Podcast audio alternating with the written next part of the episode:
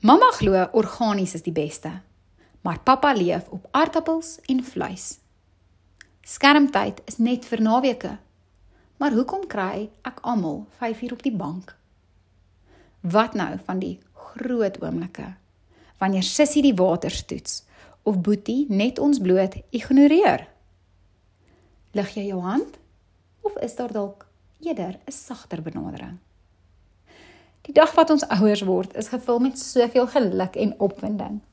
Ons leer van winde uitvryf en doeke ruil, bottels en borsvoeding. Ons maak kamers reg en pak doeksakke. Die beste karstoeltjie word met erns nagevors en beredeneer. Voorgeboorteklasse, hospitaaltoere, baba expos en meer is bo aan die te-doen lys.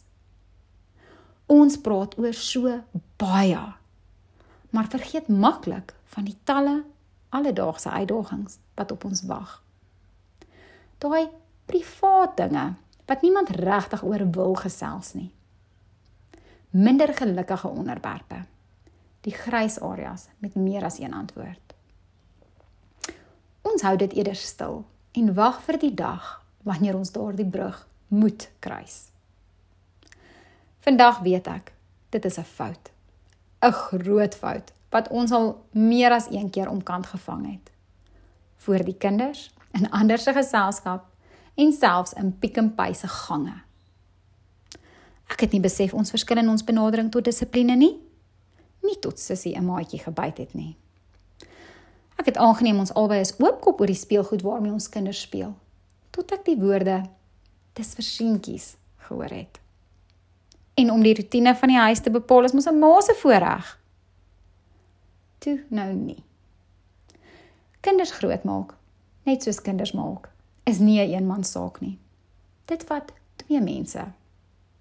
Twee mense wat self baie anders grootgemaak is en heel waarskynlik hulle eie idees van reg en verkeerd het. So hoe maak ons nou? Wie wen? Die kinders natuurlik. Ons kinders is ons sin vir 'n rede. En die enigste regte manier van hulle grootmaak is saam. Hulle het pappa se vrye gees net so nodig soos mamma se groen hart. Daar is plek vir blokkies bou en Disney films. Soms vra die situasie vir 'n sagte woord en ander kere kort daar streng reaksie.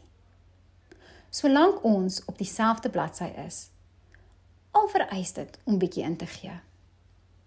Dis selfs nog meer belangrik wanneer ouers dalk nie 'n huwelik deel nie. Ons is ons kinders se veilige hawe en sekuriteit. Hulle kyk op na ons. Wanneer ons as 'n een eenheid saam staan en vir hulle die veilige ruimte skep om te groei en groot te word, floreer hulle. Hulle kan ook nie pappa teen mamma afspeel nie. Glo vir my, dit gebeur klein oogies sien elke fyn kraakie en krap dit graag oop. Maar wanneer ons saam intree, weet almal wat om te verwag en verdwyn minagting en disrespek sommer self. En wanneer hulle, soos kinders moet, die grense toets, weet hulle, hulle word ontmoet deur dieselfde verenigde front van liefde. En dis dit nie maar altyd waarop alles neerkom nie. Liefde. Liefde vir jou kinders en die begeerte om hulle groot te maak met die beste. Liefde vir ander. Jou kind se ma of pa. Daai mensie is met so baie liefde in hierdie wêreld ingebring. Koester daai liefde vir hulle en vir mekaar. Gee dus mekaar die ruimte om saam die ouers te word wat julle albei nog altyd wou wees. Maar hoe vind ons onsself op dieselfde bladsy? Praat en baie daarvan. Kommunikasie is die hart van enige suksesvolle vennootskap. Maak tyd om met mekaar te gesels. Gesels oor alles. Verwagtinge vir die gesin, dissipline, belangrike drome en waardes wat jy graag wil aanmoedig, rotines en selfs huisreëls.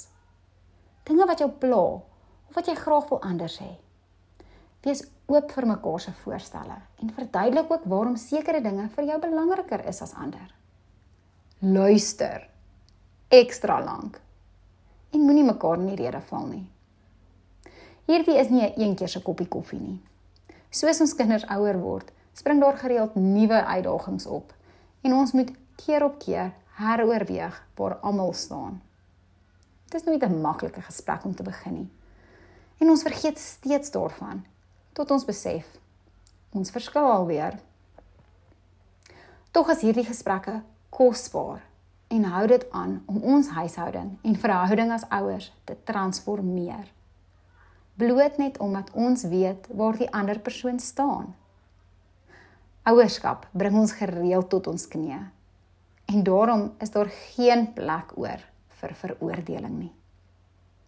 Niks meer vuil kyke of beklei voor almal nie. Die enigste pad tot sukses en geluk is samewerking en aanpasbaarheid. Ons bou nie meer aan my droomgesin nie, maar eerder ons familie.